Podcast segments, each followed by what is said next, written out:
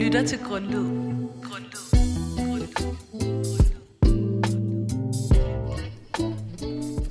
Jeg skulle mødes med min kollega, og jeg troede bare, at det var venskabeligt, og det skulle være helt low-key. Indtil jeg kom og fandt ud af, at det var en date.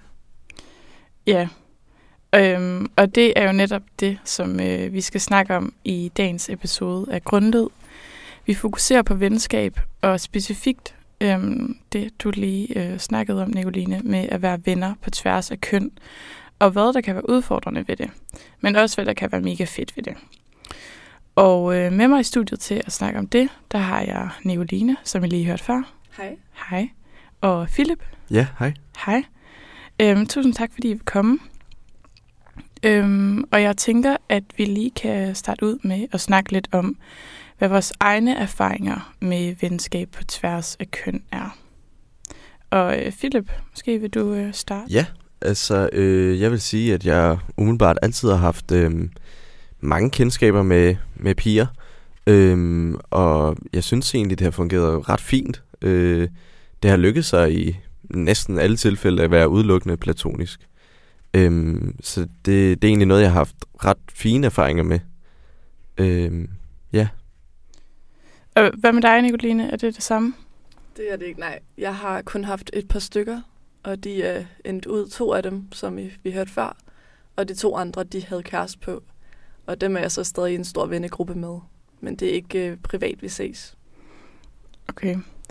Øhm, ja, det kan jeg også godt genkende lidt. Øhm, jeg har haft mange gode drengevenner gennem mit liv, men øhm, det, det har ikke været nogle mega holdbare, sådan stabile venskaber, som øhm, nogle af mine veninder. Det, mange af dem er glædet ud af sandet af den ene eller anden grund. Øhm, så jeg synes faktisk også, at det, det har været lidt øhm, svært. Øhm, ja, men hvad, hvad synes du sådan har været svært ved det? Jeg ved ikke, jeg synes bare, man tænker meget over alt, de gør. Øhm, og specielt det der med, hvis de ikke har kærester, så ved man ikke helt, hvad intentionen er, og det føler jeg ofte, at det der ligesom går galt. Ja. Ja, man har meget øh, antennerne ude, og sådan er meget mere sådan fokuseret på, øh, på signalerne, de eventuelt kunne sådan udsende. Og, altså, hvad betyder det, når de lige øh, er sådan ekstra kærlige, eller altså sådan, om, om der ligger mere i det. Man bliver meget sådan opmærksom på alting hele tiden. Det kan godt være sådan lidt anstrengende. Øhm, ja det er sådan lidt svært at, at udvikle en, en god, stærk relation, når der er så meget fokus på, på de der ting hele tiden. Øhm, ja, men Philip, øhm, du har jo en kæreste. Ja.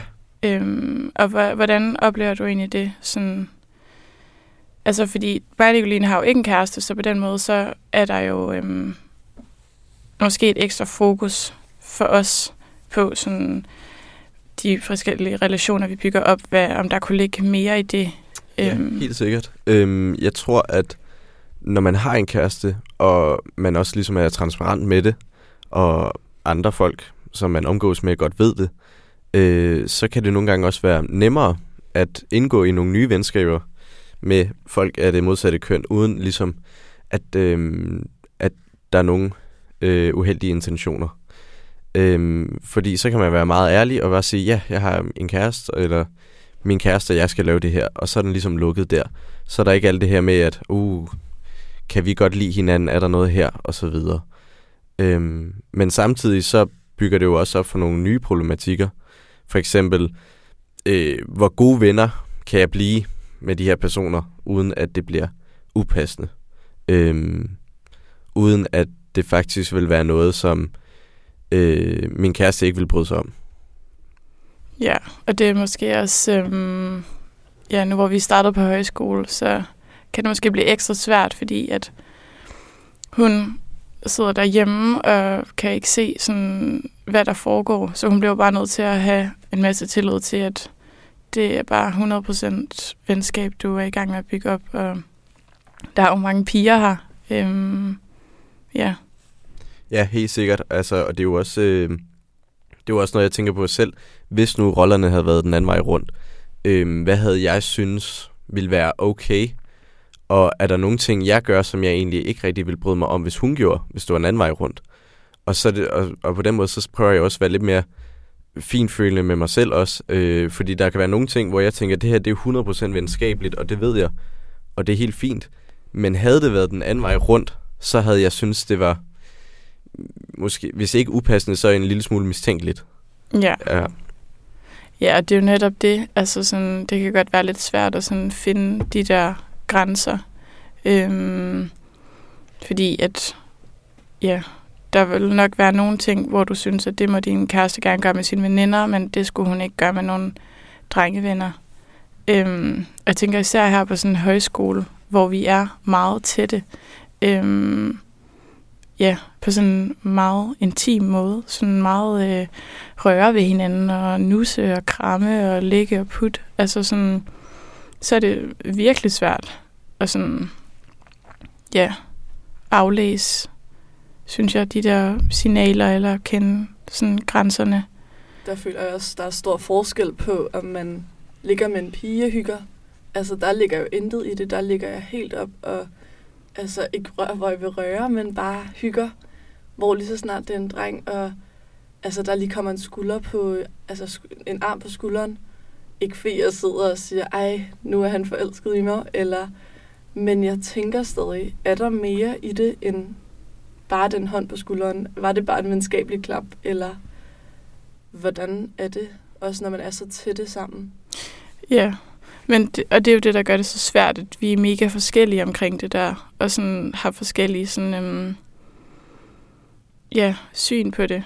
Men det er måske også noget at gøre med det der med, at, øh, at, at man flakker lidt rundt fra den ene til den anden. Det kan egentlig godt være, at lige nu er det meget venskabeligt, men så går det over til noget lidt mere kærligt. Altså det behøver ikke at være sådan, nogen de har lagt en plan jo, at nu er jeg venskabelig, eller med hende her, der er jeg lidt mere kærlig, for jeg vil godt se, hvor det tager hen. Nogle gange så er det måske også bare sådan lidt en gråzone, hvor Ja, begge parter prøver at øh, finde vej. ja 100 procent.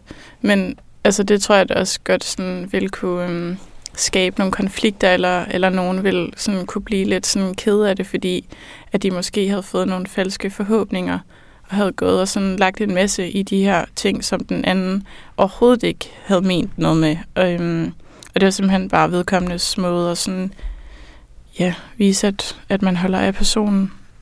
Øhm, ja, så det, det er jo virkelig noget svært noget. Der er sådan på en eller anden måde ikke rigtig et, øhm, et svar, fordi alle har så forskellige øhm, meninger omkring det. Men jeg tænker også, at øhm, det der du sagde med, at det øh, er meget rart også, at du har en kæreste, altså fordi der bare ikke er noget tvivl fra starten af. Det øh, kunne jeg virkelig godt forestille mig. Øhm, jeg ved ikke, om du også har det sådan, Nicoline, men sådan, øhm, de drenge, der ligesom har en kæreste her på højskole, der er der noget lidt befriende over bare at kunne sådan fjerne alt tvivl, og man starter virkelig på sådan rent grundlag. Man ved bare, okay, vi to, vi kan kun være venner, og intet andet. Helt bestemt. Det synes jeg er meget, meget afgørende for, hvordan ja, alle ting, alle, ikke bare samtaler, men sådan, jeg føler, det er meget afgørende. Ikke fordi det ligger i hovedet hele tiden, men det har stadig en relativt stor betydning om, hvor tæt man kan være. Og jeg tror også, jeg tør lægge den der hånd på skulderen ved en dreng, der han kæreste. Hvor jeg tænker også over, åh oh nej, hvis nu han overanalyserer, hvad jeg siger eller gør, hvis han ikke har en kæreste. Fordi jeg vil jo helst ikke ud i det, jeg har oplevet før, hvor at jeg står der og er helt magtesløs og ikke altså, har noget clue over. Nej, prøv lige at fortælle lidt mere om det. Det var det, du lige øhm, nævnte kort i starten. Øhm, Ja. Ja, der var jeg jo, ja, mig og min kollega, vi vibede sindssygt godt sammen. Og jeg tænkte, fedt, endelig en drengeven. Det har jeg ikke haft før, andet end i grupper. Og jeg tænkte, vi skal da mødes ude for arbejde. Og det skulle vi jo, fordi vi vibede overdrevet godt. Og så mødes vi, og så er det den vildeste date, og jeg får 20 komplimenter, og altså, han giver maden, og vi tager videre, og ja, der var ikke nogen tvivl, og så begyndte han bare at være lidt for, ja, man kunne godt mærke, at han var glad for mig. Så der, det holdt virkelig ikke længe, fordi jeg ikke var på samme niveau som ham. Ja, og det er bare så svært at sådan bygge et venskab op, når den ene ligger mere i det, end den anden. Det vil jeg næsten sige er sådan, ja, helt umuligt. Øhm, ja, og det, og det er jo netop det, der gør det så kompliceret, at der tit kan sådan, ja, lige pludselig komme følelser i vejen, eller sådan tiltrækning, eller ja, alle mulige forskellige faktorer, der spiller ind. Ja. Men tit så kan der også være nogle fordele ved at have en ven af det andet køn. Altså, øh, det ville også være ærgerligt, hvis det var noget, man prøvede at undgå på grund af det. Øhm, tit så er, det, så er det nok ret godt at finde en, der har et lidt andet perspektiv end en selv. Altså for eksempel til sådan noget med kærlighedsdrama. Øh, der synes jeg i hvert fald, så er det faktisk bedst at snakke med en af modsat køn.